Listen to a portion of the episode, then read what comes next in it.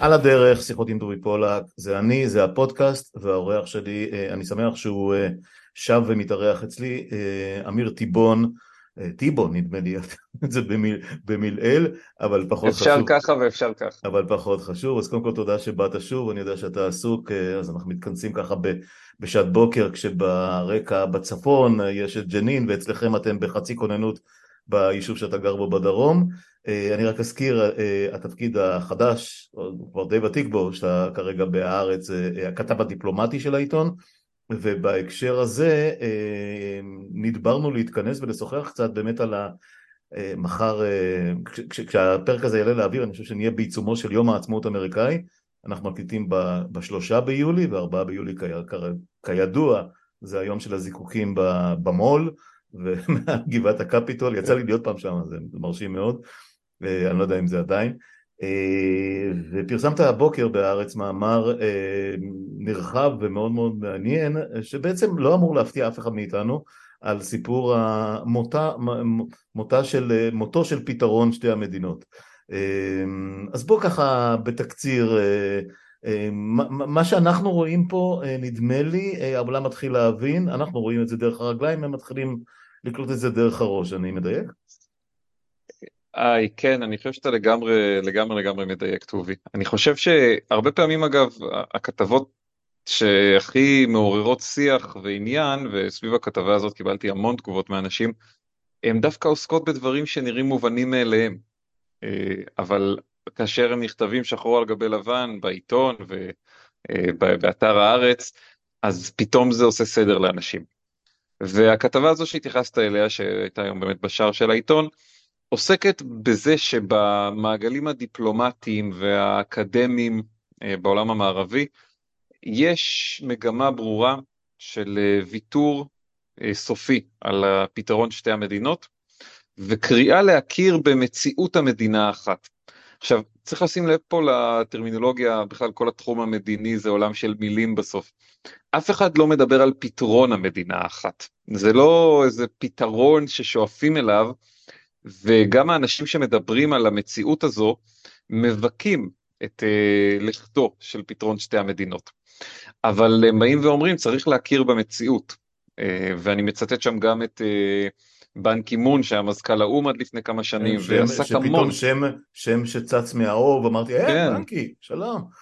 כן, הוא, תראו, הוא היה מזכ"ל האו"ם, הוא התעסק כן. המון בנושא הישראלי-פלסטיני בקדנציה שלו, ולפני שבועיים הוא ביקר פה בארץ, Mm-hmm. הוא חלק מאיזושהי התארגנות כזאת של uh, בכירים לשעבר בעולם הדיפלומטי, uh, The Elders, כאילו uh, זקני השבט. Elder, elder Statesmen. בדיוק, yeah, כן, והוא ביקר yeah. כן. פה ואמר אני רואה פה מציאות של מדינה אחת, אני לא רואה התכנות לשתי מדינות יותר בגלל האופן שבו ההתנחלויות התרחבו, בגלל החולשה של הרשות הפלסטינית והפיצול הפנימי שם, רש"פ מול חמאס.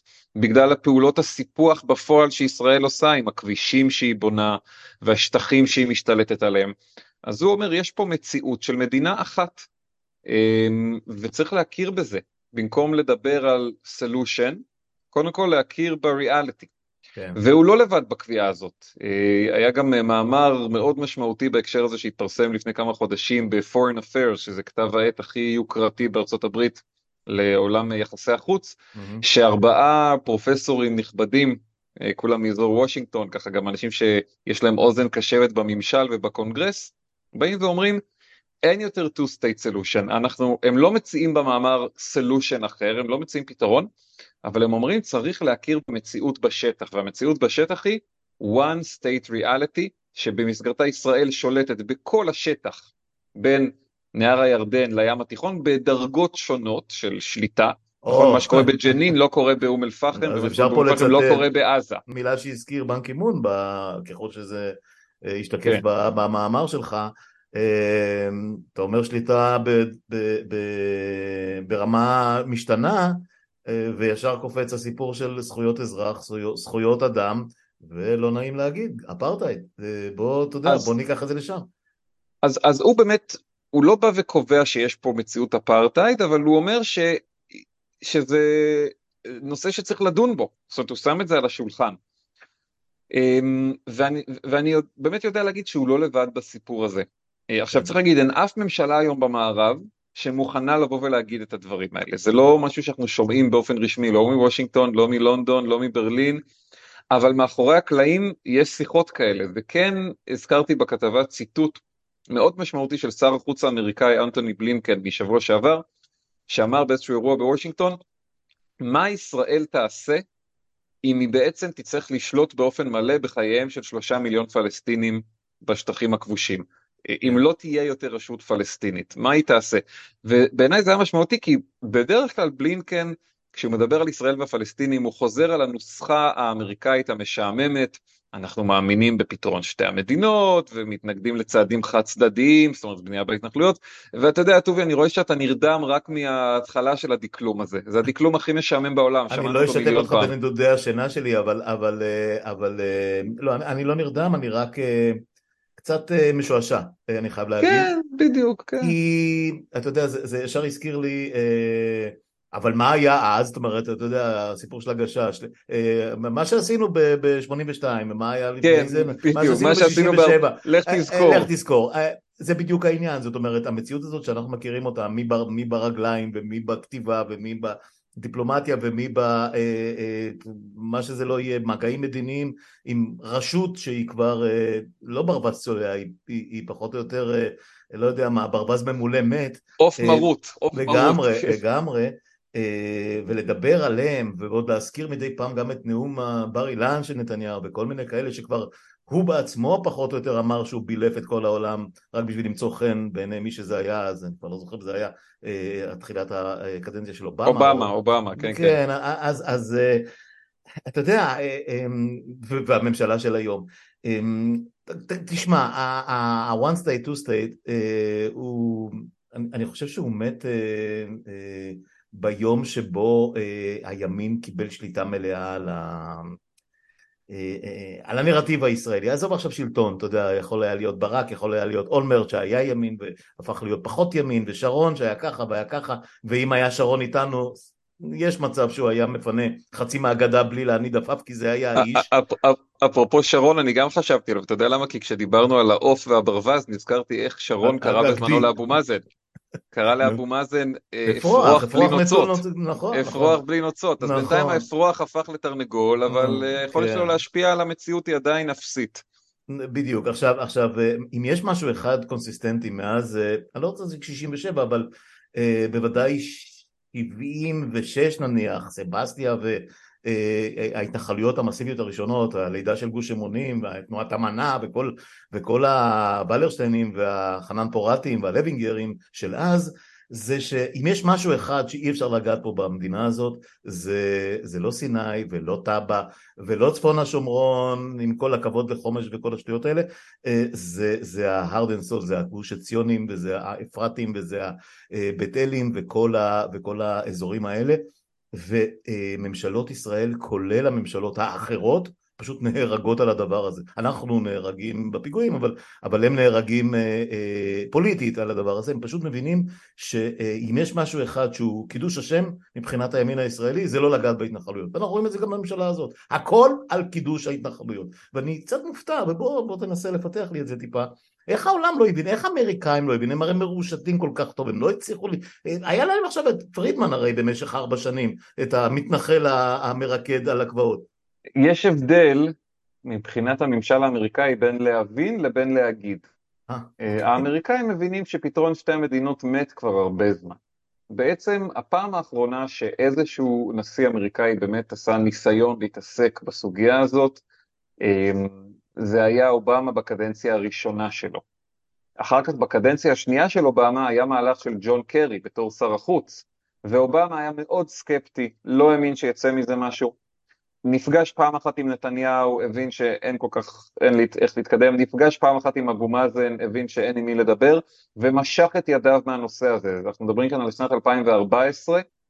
בחורף 2014, אחרי הפגישות עם נתניהו ואבו מאזן, אובמה מבין שזה בזבוז זמן, הוא מפנה את כל האנרגיה שלו בהקשר המזרח תיכוני לנושא האיראני, שמבחינתו היה הרבה יותר חשוב. אחריו טראמפ אולי לכמה חודשים משתעשע ברעיון לעשות משהו בין ישראל והפלסטינים, אבל אז הוא מחליט להעביר את השגרירות לירושלים, ובעצם הדלת נטרקת וגם הממשל שלו פונה לאפיקים אחרים, הנושא האזורי, הסכמי אברהם, כאשר ההתחייבות של ישראל בהסכמי אברהם היא רק לא לספח את ההתנחלויות, וגם זאת התחייבות שקרית, כי ישראל מספחת בפועל פשוט בלי להצהיר, או אין הצהרה על, על סיפוח. וגם ביידן, אנחנו רואים שהנושא הזה ממש לא בראש מעייניו, את ביידן הרבה יותר מעניין, לפחות בינתיים, בשנתיים וחצי הראשונות, קודם כל לשמור על ישראל כדמוקרטיה ליברלית בתוך uh, הגבולות הלא מסומנים ולא מוכרזים של מדינת ישראל, ושוב הנושא האיראני ואולי גם איזה משהו עם סעודיה אם זה יעזור לו לפני הבחירות.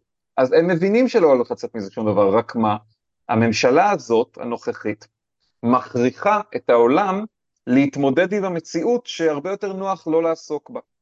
הממשלה הקודמת של בנט ולפיד והממשלות שלפניה, הממשלות של נתניהו, שבהן היה איזשהו גורם ממרכז או ממתן לצד נתניהו, בסך הכל עזרו לקהילה הבינלאומית להמשיך לירוק החוצה את הנוסחאות האלה של two-state solution, uh, negotiations, final status agreement, ולתת למציאות בשטח להישאר כפי שהיא.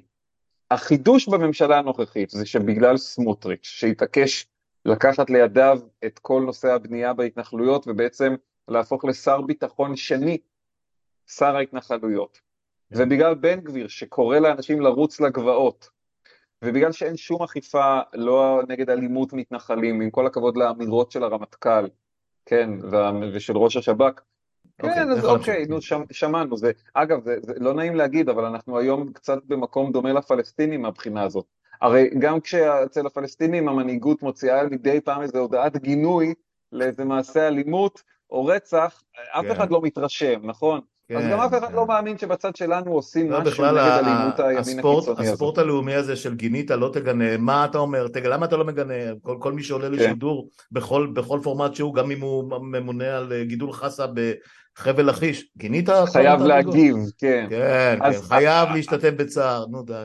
אז כשרואים בעולם את הממשלה הזאת, בעצם מבינים שכמו שאומרים, the cat is out of the bag.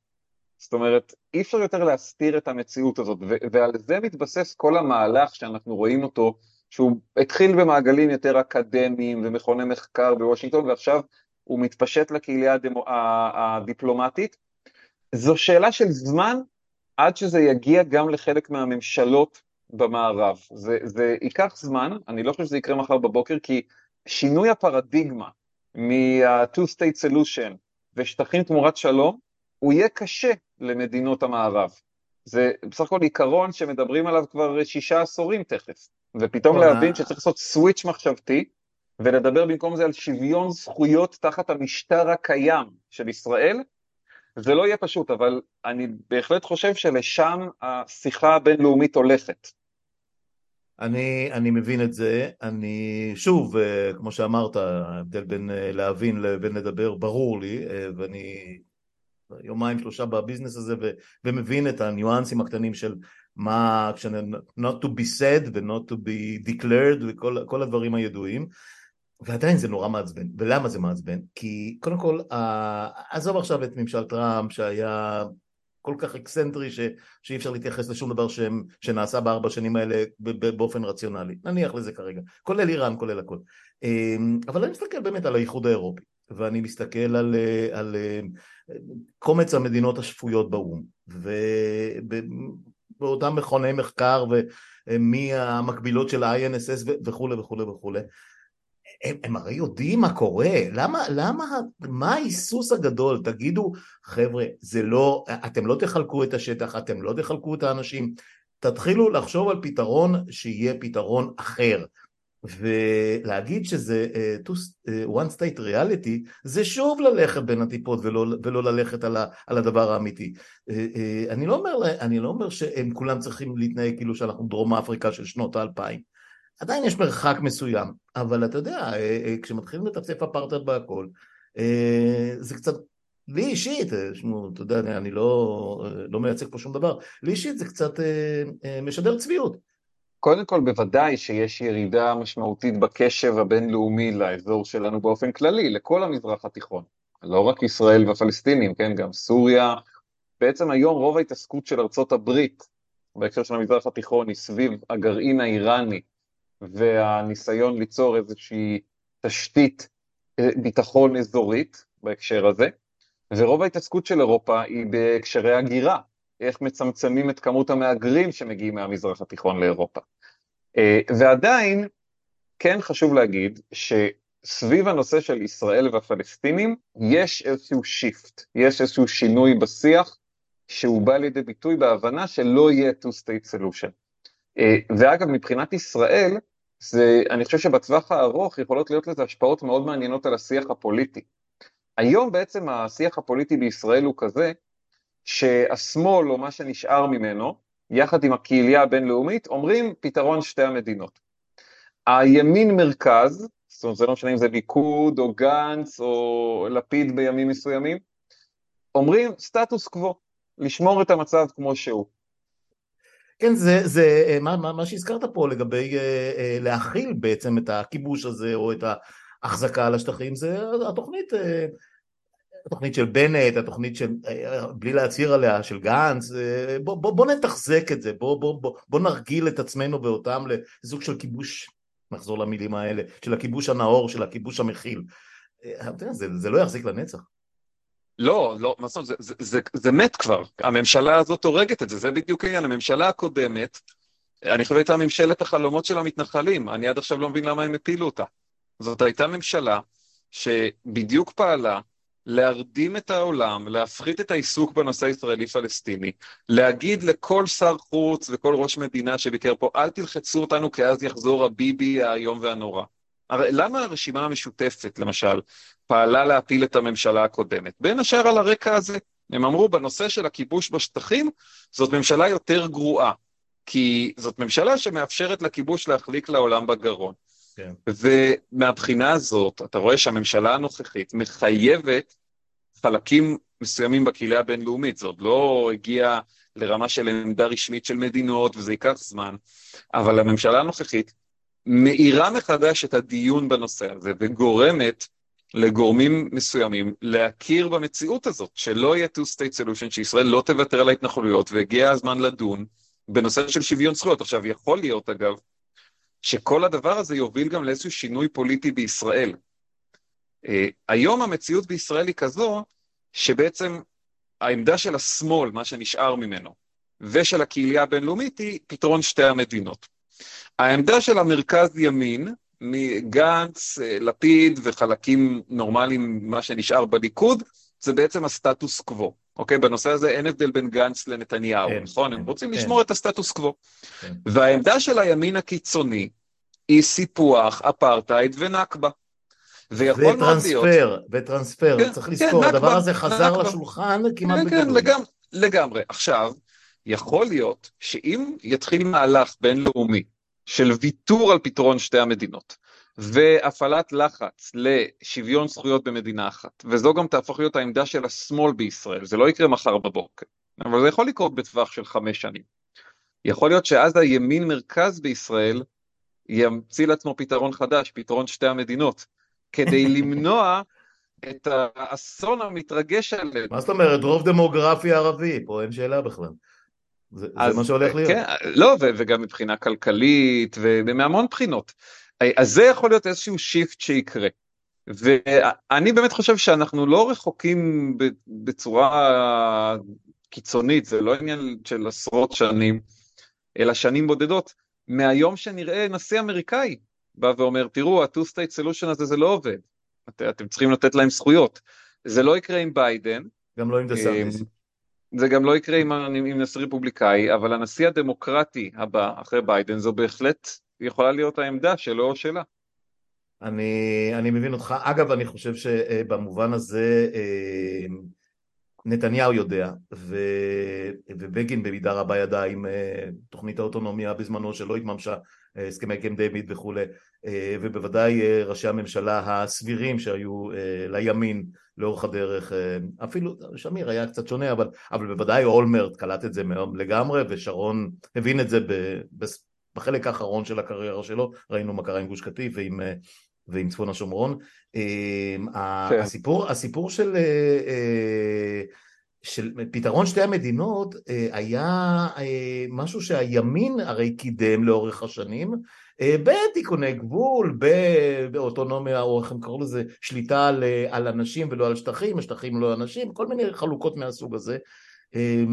והחזון של רוב יהודי, הם בעצמם יורים עצמם ברגל, כי, כי זה, לא, זה לא יעבוד ביחד. העניין הוא שלממשלה הזאת יש פתרון אחר. לא יהיה רוב לא יהודי בין הירדן לים, מכיוון שהאחרים לא יחשבו אזרחים כאן. לנצח נצחים. ופה הקהילה okay, הבינלאומית אז... תצטרך להתמודד. זה, זה בדיוק מה שהממשלה הזאת עושה, היא מכריחה אנשים לפקוח את העיניים למציאות הזו. זה, זה הסיפור העיקרי, ולכן באמת אני חושב שזה ממשלת חלומות כנראה של המתנחלים מבחינת המשאבים שהם מקבלים והבנייה, אבל היא ממשלה גרועה מאוד להתנחלויות מבחינה מדינית. כי היא גורמת לעולם להתעורר מחדש לנושא הזה, היא מעלה את העיסוק בו. כולם רצו, כולל ביידן, להתעלם מהנושא הפלסטיני, יש מספיק צרות על הראש, לא צריך להתעסק בזה, וסמוטריץ' ובן גביר בעצם מכריחים את הקהילה הבינונית להתחיל לשים לב לזה. ויש כאן עוד חוליה שצריך לדבר עליה, שזה החולשה של המנהיגות הפלסטינית הנוכחית. מחמוד עבאס, בן 87, איש נטול כריזמה, אמ, הוא לא, אי אפשר לקרוא לו מנהיג בשלב הזה, הוא סוג של ממונה, והוא ממונה מטעם ישראל וארצות הברית, זאת האמת. כן. בעצם קבלן של ישראל אה, אה, בשטחים, וזו גם שאלה מעניינת מה יקרה אחריו. כי אם יהיה מנהיג בצד הפלסטיני, או, או אם זה איזושהי מנהיגות מבוזרת, זה לא כך משנה, שיבוא ויגיד את הדברים האלה, יבוא ויגיד אנחנו ויתרנו על מדינה, אנחנו רוצים לקבל זכויות שוות במשטר הקיים, זה גם יקשה מאוד על העולם להתעלם מהדרישה הזאת. אחת הסיבות שהיום יותר קל לארצות הברית ולגרמניה ולבריטניה ולצרפת אמ, לבוא ולהמשיך לשנן את המנטרות של ה-two-state solution, כי זו גם העמדה הרשמית של המנהיגות הפלסטינית. המנהיגות הפלסטינית מדברת על two-state solution, וכל פעם שיש בנייה בהתנחלויות, אומרת שזה הפרה של החוק הבינלאומי. אם הייתה מנהיגות פלסטינית שהייתה באה ואומרת, ויתרנו על ה-two states, ואגב זה קול ששומעים אותו המון מאנשים יותר צעירים בצד הפלסטיני. אם הייתה מנהיגות שהייתה אומרת זה, זה גם היה מקשה מאוד על העולם, במיוחד כשהקונטרסט זה בן גביר וסמוטריץ'. אני, אני מבין את זה לגמרי, אה, בכלל, אתה יודע, כמו האמירה המרקסיסטית-לניניסטית של פעם, עד שלא יהיה הכי גרוע לא יתחיל להיות יותר טוב, אה, בסדר, העניין הוא שאתה יודע, א', מי מאיתנו ישרוד את זה, ב', אה, החורבן ואי החורבות שהשלטון הזה משאיר אחריו, ישאיר אחריו, אם, אם וכאשר מתי שהוא ילך, הוא ילך באיזשהו שלב, לא יודע מה יבוא במקומו, הוא כזה שלא יהיה, לא תהיה דרך להתמודד עם, עם, עם, עם ההריסות האלה, לבנות אותן מחדש.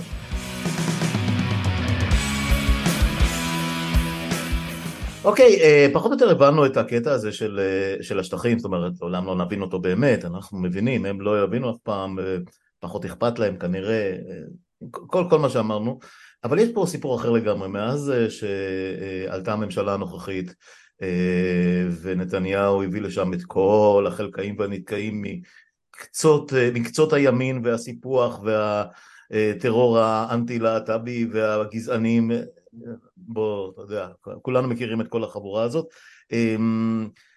ארה"ב מחורפנת מהממשלה, פשוט אה, הממשל וה... וה, וה אה, לפחות הליברלים בקונגרס, הדמוקרטים, והקהילה היהודית, אה, לפחות אלה שמדברים, אמ, ונדמה לי שההתייחסות האמריקאית היא קצת מעבר למה שרוב, ממה שהיה פה הנרטיב המרכזי, אה, שדיברתי עם לא מעט פרשנים ועיתונאים וכאלה שקצת מבינים, כולל פה וכולל בארצות הברית, נדמה לי שהם נכנסו לסיפור הזה יותר חזק ממה שהיה צפוי. גם אתה מרגיש ככה? אה, אני חושב שיש כאן בהחלט אה, ממשל שלא חיפש לריב עם ישראל. כולל עם הממשלה הנוכחית. ממש זה לא היה באג'נדה שלו, ג'ו ביידן אוהב את ישראל, מחבב באופן אישי את בנימין נתניהו, יש לו מספיק צרות על הראש בין סין לאוקראינה לכלכלה, והדבר האחרון שהוא רצה זה להיות במצב של איזושהי מריבה עם ישראל, והממשלה הזאת פשוט הכריחה אותו לעשות את זה, אין דרך אחרת להגיד זאת. ממשלה שקודם כל דיברנו על מה שהיא עושה בשטחים עם הבנייה האדירה הזאת בהתנחלויות ומהלכי הסיפוח. ממשלה שכמעט כל שבוע אחד השרים שלה מעליב את הממשל האמריקאי, מדבר בצורה מכוערת, אם זה פעם על סגנית הנשיא ופעם על השגריר ופעם על השליחה למאבק באנטישמיות. ממשלה שאגב בשבועות האחרונים נקטה שורה של מהלכים תמוהים, אין דרך אחרת להגיד זאת, בהקשר הרוסי, שאנחנו דיווחנו עליהם בהרחבה בהארץ, אמ, אם זה להגדיר איזשהו הסכם שעיריית ירושלים חתמה עם רוסיה על הקרקעות הרוסיות בעיר ועל פתיחה של קונסוליה, הישג מדיני, ככה שר החוץ קרא לזה. אני לא מכיר היום אף מדינה, חוץ מבלארוס ואיראן, ששר החוץ שלה יגדיר הסכם עם רוסיה הישג מדיני. ואם זה לשלוח לאיזושהי תערוכה במוזיאון הארמיטאז' בסן פטרבורג ממצא ארכיאולוגי נדיר מתקופת בית ראשון, דגם של בית המקדש, אין היום אף מדינה מערבית שתעשה כזה דבר, שתעשה כזה שיתוף פעולה תרבותי מהסוג הזה אה, עם רוסיה. אה, אה, אז כשמשקללים את כל הדברים האלה ביחד, בעצם הממשל נכנס לעמדה שאין לו ברירה אלא לנזוף בישראל, לריב עם ישראל, להתווכח עם ישראל, למרות שאף אחד שם לא מעוניין בזה. אני גם חושב אגב שנתניהו באופן אישי לא כל כך מעוניין בזה, והאינדיקציה הכי טובה בעיניי זה השקט היחסי שהוא שומר עליו בסיפור האיראני. הממשל מתקדם להבנות בלתי רשמיות עם איראן בנושא הגרעין, ואנחנו לא רואים את נתניהו מתכונן לנאום בקונגרס, ולא רואים אותו תוקף את ביידן. מי יזמין אותו לשם? כבר שאלה אחרת. אה, אה, לא, לא, נכון, אבל אין את ה... הוא לא, לא במצב של מלחמה בביידן, אבל השרים שלו, אה, הסמוטריצ'ים והבן גבירים וגם עמיחי שיקלי ואחרים מתוך המפלגה שלו, כל הזמן מדרדרים את המצב לעימות עם הממשל. כן, תשמע, זה, זה, נראה, זה נראה שיש איזושהי חדווה, אחד הפרופסורים שהתארח, אני כבר לא זוכר בדיוק מי זה היה, uh, יש לי בזמן האחרון, נהפכתי לסוג של קתדרה של אוניברסיטה משודרת בפודקאסט פה, uh, אני גאה על זה, אבל אתה יודע, לפעמים צריך לחזור גם לקרקע, אבל הוא אמר דבר מעניין, הוא אומר, הסמוטריצ'ים וכל בן גביר, שפחות חשוב בהקשר הזה, אבל באמת הזרם המשיחיסטי, הוא לא רוצה את החיבור עם המערב, החיבור עם המערב בכלל לא, לא זה לא האג'נדה שלו, הוא נסע לעשות דברים עם הגרנד נכון. מייזר, לא גרנד מייזר, נכון. והבין שזה, אין לו מה לחפש שם. אגב, גם לא במערב אירופה, גם בפריז הוא מתבזר. ומבחינתם, זה, האסון הוא קטן, הם, הם, הם, הם בכלל לא קולטים או לא מבינים, זה לא מעניין אותם אולי, כן. הסיוע, החיבור, הקשר הדיפלומטי האדיר הזה, אה, ברית ההגנה שאומנם לא קיימת רשמית, אבל היא שרירה וקיימת, לא נחזור עכשיו ליום כיפור עם הרכבת האווירית וכן הלאה, אה, אתה יודע, מתפארים פה בחץ וב, ובכיפת ברזל והכל, זה אנחנו לא עשינו שום דבר לבד. אה, ו, אבל נתניהו יושב שם, וסופג את כל החרא הזה, והוא לא מרסן אותם, שזה דבר מדהים. השינוי הכי משמעותי מבחינת הממשל, זו ההבנה שנתניהו לא שולט. בתחילת הקדנציה של הממשלה הנוכחית היה קו שמי שקידם אותו היה בין היתר השגריר ניידס, שבינתיים הודיע שהוא עוזב, הוא אומר שזה בעיקר מסיבות אישיות ויש שם, כן. שם עניינים משפחתיים, אשתו היא בכירה ברשת CNN והיא בעצם נשארה לגור בוושינגטון כל התקופה וגם הילדים שלו שם אז אני לא מזלזל בנסיבות המשפחתיות כן.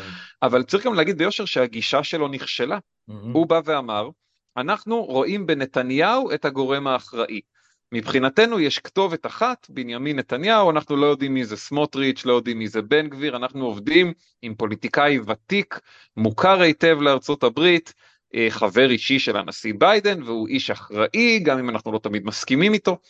הגישה הזו התנפצה אה, על סלעי המציאות, שבה נתניהו הוא היום ראש ממשלה נתון לסחיטה, יש שיאמרו אפילו סחיטה באיומים.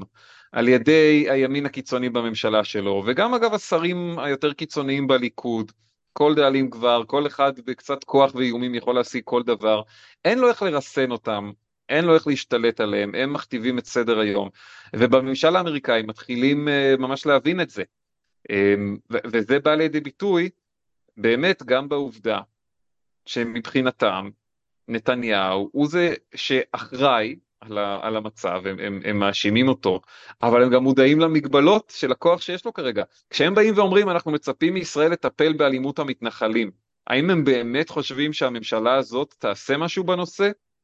ברור להם שנתניהו לא יכול לעשות שום דבר בנושא הזה, כי יש לו שר אה, ביטחון 2, אה, סמוטריץ', בעצם שר המתנחלים, שלא יאפשר שום דבר כזה. אני, אני מבין לגמרי מה שאתה אומר, ועדיין אה, אה, יש את הסיפור שהוא נורא פופולרי וכולם סופרים ימים פה, כמה, כמה ימים עברו מ... מהשנייה שהממשלה הוקמה ועד, ועד שעדיין אין הזמנה. שחצי שנה הוא לא הזמין אותו לבית הלבן. לבית הלבן, ו, וזה שמתייחסים לאלי כהן כמו שהוא כאל עציץ, ו... ו... טוב, אלי כהן עוד חצי שנה כבר לא שר החוץ, כן, הוא מתחלף עם ישראל כץ, כחלק מההסדר אנחנו זוכרים, אנחנו, אנחנו לא נשכח לעולם את הנאום המדהים של ישראל כץ באו"ם באנגלית, אבל עזוב, עזוב את כל הדברים האלה, זה כל סמלים קטנים. התחושה היא, ואני שוב, אה, כקורא עיתונים וכעוקב ממש מרחוק, אין לי שום קשרים לא בקונגרס ולא ב... ולא בממשל ולא בעיתונאים שיושבים שם סביב, סביב אה, הקפיטול והבית הלבן, התחושה היא של מיוס, התחושה היא של אנחנו לא מבינים מה הם עושים ואנחנו לא מסוגלים להתמודד עם, ה, עם המפלצת הזאת. אה, זה עד כדי כך או שאני קצת מגזים? אתה טיפה מגזים אבל אתה בכיוון. אני רוצה להגיד משהו על הביקור, טובי. זה בכלל לא חשוב שביידן לא מזמין את נתניהו לביקור והוא גם מתישהו יזמין אותו בסוף אולי אה, לבית הלבן ואולי הם פשוט ייפגשו, אולי הם כן, פגשו בשולי עצרת האו"ם, שם כן. זה כמו רופא בקופת חולים. כן. כשנשיא הברית מגיע לעצרת האו"ם זה כמו רופא משפחה בקופת חולים כן, אחר כן, הצהריים, כן, כן, לא, זה כמו בחדר, speed dating. בדיוק, הוא יושב בחדר כולם נכנסים. הדבר החשוב זה לא שהוא כן מזמין לא מזמין, הדבר החשוב זה שהוא לא משלם על זה שום מחיר פוליטי. כשנשיא ארצות הברית חצי שנה לא מזמין את ראש ממשלת ישראל ולאף אחד באמריקה לא אכפת. אף אחד לא תוקף אותו על זה, אף אחד לא מביע ביקורת, הקהילה היהודית מסכימה איתו, או, מבינה למה הוא לא רוצה להזמין את ראש הממשלה. זה הכיוון הבא שלי. נדמה לי שהמאחזים ההיסטוריים, כולל בצד האדום, כולל בצד הרפובליקני, כבר לא עם ישראל, אני לא יודע אם לא עם ישראל, so to, so to speak, לא, אבל... זה אמירה, שוב, זה אמירה, כן, אבל... אבל... לא עם ישראל זה מוגזם, אבל... אני מבין. אבל תראה את הדינמיקה.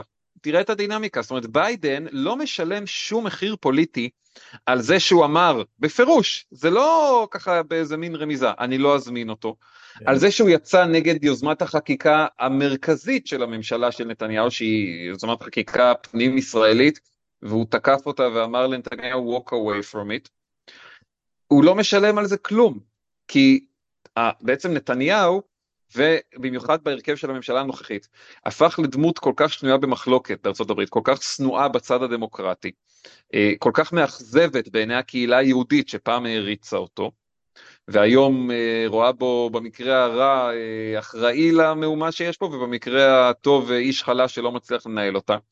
אז מבחינת ביידן אין שום מחיר לעניין הזה, הוא יכול לקחת קו קשוח כלפי נתניהו. אני חושב שאם ביידן היה עושה דברים יותר נחרצים כלפי מדינת ישראל, שיש קולות במפלגה הדמוקרטית שרוצים אותם, כן? למשל להגביל את הסיוע הצבאי לישראל.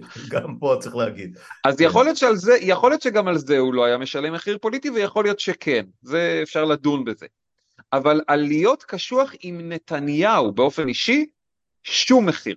ו- וזה הסיפור האמיתי של מה שקרה פה. מעבר לכן ביקור לא ביקור, שזה בסוף ימצאו איזה פתרון. כן, זה העובדה שנשיא... הקטע של הביקור זה רק הסמל. כן, זה... בדיוק, זה העובדה שנשיא הברית בעצם בא ואומר, אני לא משלם שום מחיר על קטטה עם נתניהו, ואגב, טובי, בדבר אחד כן צריך לשים לב, גם בצד הרפובליקאי, המועמד המוביל כיום להיות אה, מועמד המפלגה לנשיאות בבחירות 2024, זה אדם שאמר על ראש ממשלת ישראל, fuck him. Fuck him, בטח. כן, אגב, דונלד טראמפ. אגב, אמר על נתניהו משהו שג'ו ביידן עדיין לא היה כן, מעז להגיד. היריב הפוטנציאלי שלו, שלא ברור קורה, האיש עדיין, דסנטיס? כן, האיש עצמו לא ברור באופן קיצוני, אה, אבל הוא היה פה בארץ לפני חודשיים, והחביאו את הביקור הזה. זאת אומרת, עד כדי כן, כך לא- נתניהו... זה, זה, זה, זה דבר נורא מוזר מה שהיה פה עם הדבר הזה, כאילו בן אדם מושל פלורידה ותומך לכאורה נלהב והממשיכו של כן. טראמפ הייתה אפיזודה מעניינת, אני חושב שבאמת נתניהו אמר לעצמו, אני יכול להרגיז פה את ביידן, אני יכול להרגיז פה את טראמפ, ואני יכול להרגיז את דה סנטיס. מי הבן אדם שאני הכי פחות אסבול נזקים אם אני ארגיז אותו? כנראה דה סנטיס. אמ, אז, אז יש כאן עניין כי גם טראמפ בצד האוונגליסטי הפרו-ישראלי לא שילם שום מחיר על ההתבטאויות האלה נגד נתניהו. ו, וכן זה דבר שצריך לשים לב אליו.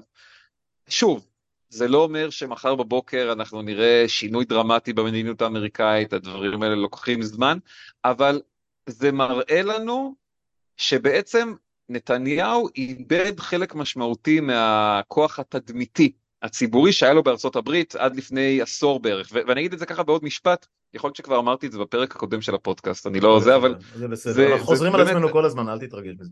זה, זה, אה, לפני אה, עשור וקצת, הדיון על נתניהו בארצות הברית היה האם הוא צ'רצ'יל הישראלי. הרפובליקאים והמעריצים היהודים אמרו שכן, והדמוקרטים והמבקרים אמרו שממש לא. כן. אף אחד לא מנהל את הדיון הזה. היום הדיון זה האם נתניהו הוא ארדואן הישראלי. שבצד הדמוקרטי ובקהילה היהודית הרבה אומרים שכן, ובצד הרפובליקאי מסבירים שלא, אבל זה הדיון, those are the terms of the discussion. מדברים הרבה על המורשת, אני, זה לא שיחה שרציתי לקחת אותה לכיוון של נתניהו, אבל, אבל תמיד הסיפור, המורשת שלו וההתייחסות שלו להיסטוריה, אפרופו צ'רצ'יל ופרוטקטור אוף ישראל וכל החרטוטים שלו, אה, אה, איך זה היה שם, אה, מתחת ל... ארץ מתחת לשמש, מה, אני לא זוכר. כן, כן, כן, מקום תחת השמש. מקום תחת השמש וכן הלאה והלאה. אה, אה, הוא מצליח למסמס את זה בקצב מבהיל, אפילו בפרופורציות שלו, בקצב אה, ההתאיידות שלו מבחינת הפרסונה המדינית. בוא, בוא נלך צד אחד קדימה. האיחוד האירופי, גרמניה, בעיקר גרמניה, כי תמיד בעיקר גרמניה, אבל גם צרפת, בריטניה ומדינות בנלוקס וכן הלאה, הם הולכים לשינוי מדיניות? הם, הם, הם, הם, אה, כי הם תמיד היו יותר, אה, נקרא לזה, אה, לוחמניים, לעומתיים ופחות התרשמו מה, מהשקרים הישראלים המוסכמים שארה"ב שיתפה איתם פעולה. איפה זה עומד? יש כאן איזשהם חילופים טובי. היום ארצות הברית היא הגורם הביקורתי יותר, לפחות תחת ממשלים דמוקרטיים, ודווקא אירופה היא יותר מהססת. קודם כל צריך לזכור באיחוד האירופי יש מדיניות חוץ בקונסנזוס. והעניין הזה... מספיק שאורבן אומר לא, נגמר הסיפור. בדיוק, הפך אה. לנכס עבור ישראל. תראה, בכלל קרה פה דבר מרתק. אם אנחנו הולכים אחורה 20 שנה, שתי הישויות השנואות ביותר על הימין הישראלי זה הרשות הפלסטינית והאיחוד האירופי, מסכים איתי? הרשות הפלסטינית אני לא בטוח באיזה סדר, אני לא בטוח באיזה סדר. כן, בדיוק. נדמה לי שהאיחוד האירופי עם המימון של העמותות וכל הסיפורים כן, שאנחנו יודעים. כן, בדיוק. היום האיחוד האירופי והרשות הפלסטינית זה שני נכסים אדירים של הימין הישראלי. הרשות בתור קבלנית הביצוע של הכיבוש, ששומרת את הפסאדה של הכאילו two states, כל מה שדיברנו קודם, והאיחוד בגלל העניין של ה-consensus in foreign policy, שצריך להיות החלטה של כל המדינות. אז בעצם המדינות היותר פרו-ישראליות, הונגריה, פולין, יוון, מנטרלות את היכולת של המדינות הביקורתיות יותר, אם זה צרפת ואם זה בלגיה ואם זו אירלנד או ספרד, אה, לקחת צעדים יותר נחושים נגד ישראל. כן. ומהבחינה הזאת האמריקאים, שיש להם מדיניות חוץ עצמאית, הם יכולים יותר אה, להחליט על, על כיוון משמעותי של יותר ביקורת ויותר לחץ, לפחות שיש ממשל דמוקרטי היום. זה בהחלט מעניין, לא חשבתי עליו במובן הזה, אבל זה, זה הערת קצת את עיניי בקטע הזה. אה, בכלל הרעיון הזה של, של הקונצנזוס המוחלט פה אחד הוא נראה לי, אתה יודע, פה מדברים על מה זה דמוקרטיה וכולי. יש זה... קולות, אה, כן, תראה, יש כבר קולות באיחוד האירופי. כמעט רצו להעיף את הונגריה מהסיפור הזה, אבל זה... יש קולות באיחוד האירופי שקוראים לשנות את זה. שאומרים שבתחום מדיניות החוץ צריך לאפשר לכל מדינה יותר עצמאות. זו שאלה מעניינת, כי אז אתה ישר תראה שיהיה גוש של מדינות אה, מערביות יותר, שבהחלט בהקשר הישראלי-פלסטיני ייקחו קו הרבה יותר ביקורתי. כן. ולעומת זאת אה, הונגריה ופולין אולי ירוצו להעביר את השגרירויות שלהן לירושלים. זה, אבל, זה אבל זה, ייתן לך יותר, זה ייתן לך יותר טווח של תגובות ואפשרויות. היום אני... הקונסנזוס מגביל, מגביל את שני הצדדים, גם את הצד שרוצה יותר להתחבר לנתניהו וגם את הצד שרוצה להיות יותר ביקורתי כלפי המדיניות שלו. כן, אה, משהו בקטע התקשורתי, אה, אני אסגיר פה שאתה גם מתראיין מדי פעם אה, לרשתות זרות ו... ו... כמו, כמו שהעיתונאים, עיתונאי הארץ, אני חייב להחמיא פה, אה, נמצאים ממש בחזית הבינלאומית, דיברנו בתפקיד הקודם שלך כשהיית בדסק של, של, ה, של המהדורה האנגלית, מישהו רוצה להעביר מסר, זה כמו בזמנו תומאס פרידמן או, או אחרים בניו יורק טיימס, יש דרך לעשות את זה וזה דרך המהדורה האנגלית של הארץ. נתניהו היה מרואיין מאוד מאוד מבוקש עם האנגלית המצוחצחת וה, והיכולת שלו לחבר משפטים ו-catch phrases וכל מיני כאלה דברים. אה, מרואיין טלוויזיוני. כן, קלאסי והכל. אה, גם במקומות שבהם הוא היה נתקל במרואיינים לאו דווקא פוקס ניוזים, אה, שהם המנפור ובליצר ואחרים שלא עשו לו הנחות. אמ, נדמה לי שהוא פתאום מגיע למחוזות שתמיד דיברו עליהם בהקשר של יאסר ערפאת, סליחה שאני ככה מכניס את זה, ואבו מאזן, על ההבדל שבין ההצהרות בעברית או באנגלית לבין אה, אה, מה שהוא, מה שהוא אומר בחוץ ומה שהוא אומר בבית, מה שהוא אומר בעברית לקהל כן, שלו כאן, לבין מה שהוא אומר בראיונות. אני קורא לזה ערפטיזציה. יפה, ערפטיזציה, נהדר. כן, כן. באנגלית אה, אין פסקת התגברות, בעברית אולי כן תהיה. הוא זרק אותה. אבל בעצם לא. כן, זה, זה לא, בוא נאמר, אתה רואה את הראיון בערוץ 14 לעומת הראיון ב-CNN, אבל מה שבאמת קרה והיה שינוי משמעותי בחודשים האחרונים, זה השאלות, לא רק התשובות. נתניהו היה רגיל לבוא לתקשורת האמריקאית ולקבל שם אך ורק שאלות בנושאים הכי נוחים עבורו. כן. איראן, הסכמי אברהם, טרור, two state solution ואיזו שאלה על היחסים עם נשיא הברית שיכול היה לחייך ולהגיד שהכל בסדר גם כשאנחנו לא תמיד מסכימים אנחנו חברים הכי טובים. הסכמנו לא להסכים. ובח... כן. כן ובחודשים האחרונים היו לו רצף של ראיונות בתקשורת הבינלאומית שהוא נתקל בשאלות שעוסקות כולן בהרכב הקיצוני של הממשלה שלו, בהתבטאויות המזעזעות של השרים שלו, היה איזה רעיון שהוא היה צריך לתקן את המראיינת שמי שאמר לשרוף כפר זה לא בן גביר, זה סמוטריץ'. זה כאילו סיטואציה מופרעת. אה, אחר כך היה ראיון בסקיי ניוז, שהמראיין שאל אותו על ההתבטאויות של היועץ החדש שלו, הוא לקח איזה יועץ שכתב שביידן דמנטי ולא כשיר, כן, כן, צויק, ושגנבו לטראמפ את הבחירות. גלעד צויק נדמה. כן, אנחנו כתבנו על זה בארץ גם. כן, כן. אמ, אתה מבין, אז פתאום שואלים אותו על זה, והוא צריך להתחיל להגיד שהיועץ מחק את החשבון בטוויטר והתנצל. ברור. זה שינוי באופן שבו ישראל נתפסת ומסוקרת בתקשורת הבינלאומית. זאת אומרת, זה שינוי שגם עוסק בנתניהו, אבל גם משליך עלינו כמדינה. בן אדם יושב בבית וצופה בזה, או אחר כך רואה את זה באינטרנט, והוא פתאום אומר לעצמו, מה, מה קורה שם בישראל? מה זה כל הטר, הטרלול והטירוף הזה? לגמרי. אה, אה, יש אנשים רגילים לשמוע על ישראל בהקשרים של היכולות הצבאיות שלה, האיומים הביטחוניים, ההתמודדות שלה עם הטרור, עכשיו זה לא משנה, אפשר לאהוב, אפשר לשנוא, אבל אה, זה הגבולות של השיחה. נכון. ופתאום ראש הממשלה, ראיון של רבע שעה ב-CNN, כל השאלות, למה הממשלה שלך כל כך קיצונית, למה אתם מנסים לבטל את הפרדת הרשויות, למה אתם uh, פוגעים בדמוקרטיה, למה אתם uh, uh, מדברים ככה על המפגינים, uh, למה ביידן לא מזמין אותך.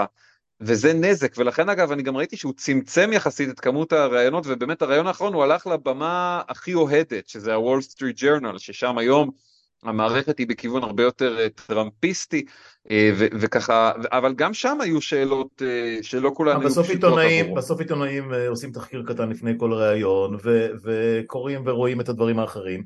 אגב אפרופו זה, שוב נדבר כבר על פוקס ניוז, אבל את השאלות הכי קשות שהוא נשאל זה איכשהו תמיד מהכיוון האירופי, שזה סקיי ניוז, שזה BBC, האמריקאים ככה וככה, גם לא, CNN, הם, CNN הם אמריקאים, אתה יודע, הם בינלאומיים יותר מאשר אמריקאים, אבל בסדר. כן. יש כן. שם שינוי, זה העניין בעיניי, יש שם כן. שינוי, זאת אומרת הרעיונות האחרונים שלו בספרות האמריקאית לא היו טובים מבחינתו, כי פתאום הוא נתקל שם בשאלות שהוא לא ציפה. לא, לא, הבן אדם להטט בתקשורת, תשמע, אני, אני גם לא יודע, אתה יודע, אני מסתכל, אה, נדמה לי שהנסיעה האחרונה שלו הייתה ללונדון, והוא חטף שם נכון, דליים של, לא של ג'ורה על לא הראש. גם מהממשל, נכון. גם, גם מראש הממשלה, אה, גם, גם ממפגינים, אה, חברי גם פרלמנט. גם בסיקור התקשורתי. גם, כן, ב, גם בסיקור התקשורתי המקומי. עשו לו טרור, ולפני זה באיטליה, כן. ולפני זה בצרפת, איפה שזה לא היה. ו... והוא לא נוסע.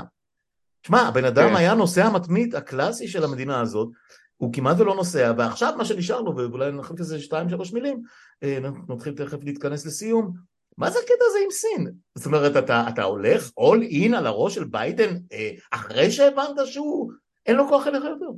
הסיפור, הסיפור עם סין הוא קצת מוזר, כי בעצם לשכת נתניהו הודיעה שיש נסיעה, אבל היא לא אמרה מתי הנסיעה תתקיים. שנינו יודעים שלא תהיה נסיעה, אבל נעזוב את זה.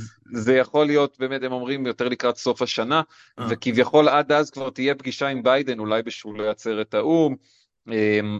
אבל אני חושב שהאופן שבו זה הודלף, זה פורסם לראשונה באתר זמן ישראל, ההדלפה עצמה הייתה מאוד לעומתית. זאת אומרת, אחר כך נתניהו ניסה...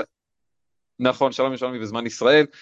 הפרסום היה ככה ש, שכאילו נתניהו בעצם שולח פה מסר לביידן. אחר כך נתניהו ניסה בפגישה עם מחוקקים אמריקאים to walk it back ולהגיד מה פתאום, זה לא מסר נגד ארה"ב, אין תחליף לידידות שלנו עם וושינגטון. אה, זה קלאסי נתניהו, זאת אומרת מצד אחד אה, כאילו ביד אחת ככה מלכלכים וביד שנייה מחבקים. אבל כבר זה כבר לא, לא עובד, זה כל הקטע, זה כבר לא עובד. אני לא, חושב, אני לא חושב שבממשל האמריקאי מאוד מתרגשים מזה, אני חייב להגיד, זה די רואים דרך התכסיס פה. אה, ומבינים שהוא נואש לאיזשהו פוטו שיציג אותו כ... תראה, גם צריך לזכור, גם בעצם לעולם הערבי הוא לא קיבל אף הזמנה מאז שהוא חזר לשלטון. בשלב הזה של ממשלת בנט, הייתה לי איזה כתבה שבוע שעבר, חצי שנה לתוך ממשלת בנט, אה, ראש הממשלה בנט כבר היה באיחוד האמירויות, היה במצרים, היה בירדן, יאיר לפיד כשר החוץ בשלב הזה, חצי שנה לאחר הקמת הממשלה, היה במצרים, ירדן, מרוקו, אה, גם גנץ נסע וחזר למפרציות, כן. גנץ היה במרוקו, כן. גנץ היה בבחריין, בממשלה הזאת אין כלום. היה אמור להיות להם פורום הנגב, להמשיך את המפגש של לפיד שנה שעברה. כן. מרוקו ביטלה את זה בגלל הבנייה בהתנחלויות ואלימות המתנחלים. אה, כל הסיפור של סעודיה, בלינקן אמר שבוע שעבר בצורה הכי ברורה שיש, אתם הורגים את זה. המהלכים שאתם עושים בשטחים פוגעים במאמצים שלנו עם סעודיה.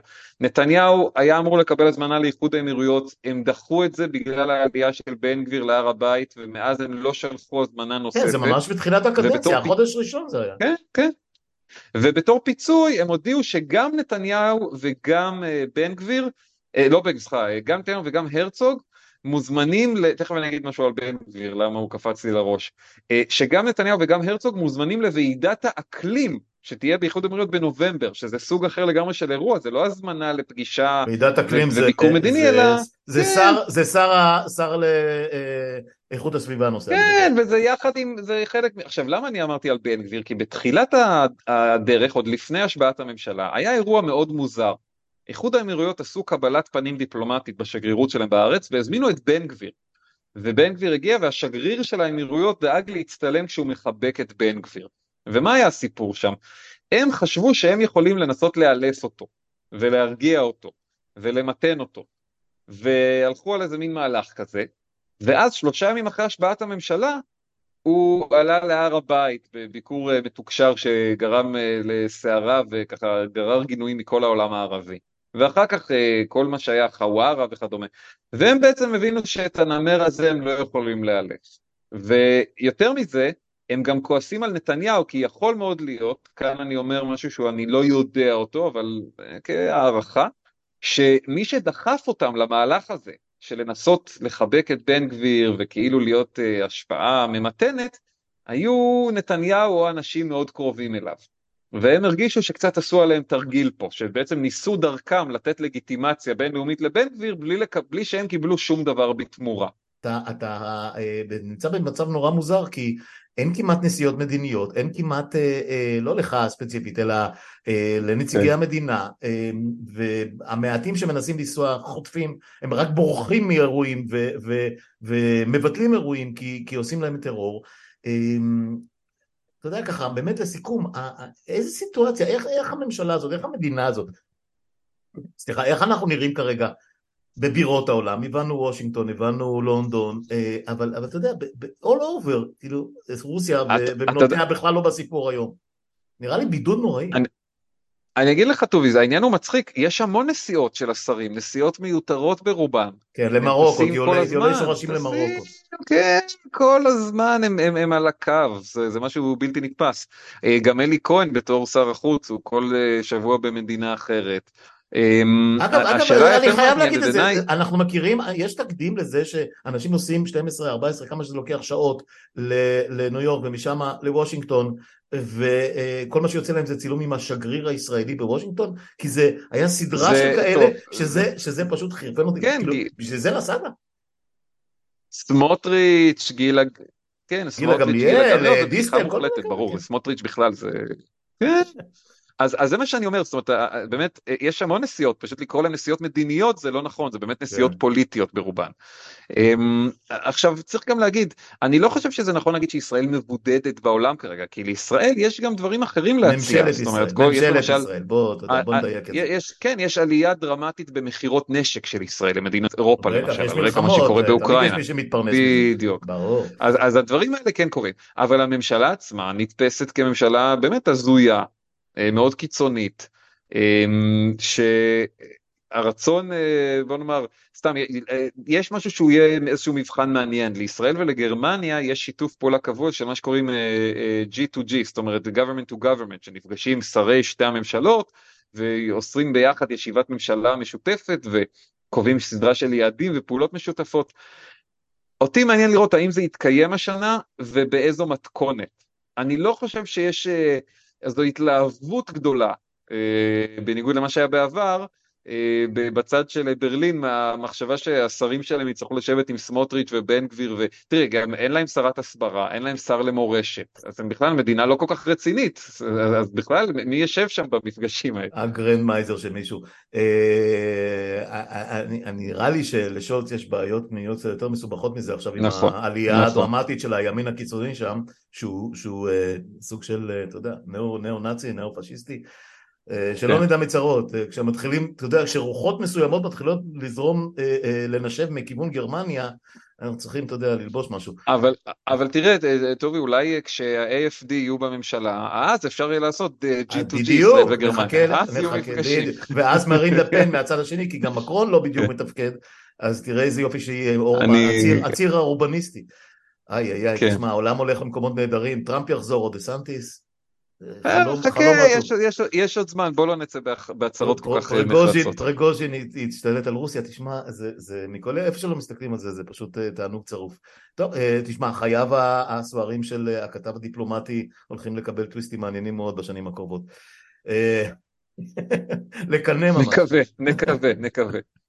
אמיר תיבון, כרגיל היה משכיל מאוד ומעניין מאוד, למרות שנדמה לך שאני משתעמם באיזשהו שלב, אבל אתה יודע, אה, אנחנו פשוט לפעמים אה, אה, אומרים את הדברים שוב ושוב ושוב ושוב, לא, לא מאשים אותך בזה, אני מאשים את עצמי בעיקר, והתסכול פשוט, אצלי לפחות, מותר לי, אני לא, אתה יודע, לא חייב אותי בחשבון לאף אחד, התסכול הוא נוראי, כי באמת, לא משנה כמה שנים נגיד את זה, וכמה פודקאסטים נעשה על זה, וכמה מאמרים תכתוב על זה בעיתון היחיד שעדיין עוסק בדברים האלה, לא יודע לאן להוליך את החרפה הזאת, אה, אבל אה, זה רק, אתה יודע, זה, זה באחריות שלי, לא, לא מחייב אותך. להוליך, להוליך לעוד פרק עוד כמה חודשים, שנראה מה ישתנה. שום בעיה, אתה תמיד מוזמן. טוב, תודה, תודה רבה. יום טוב, ביי ביי.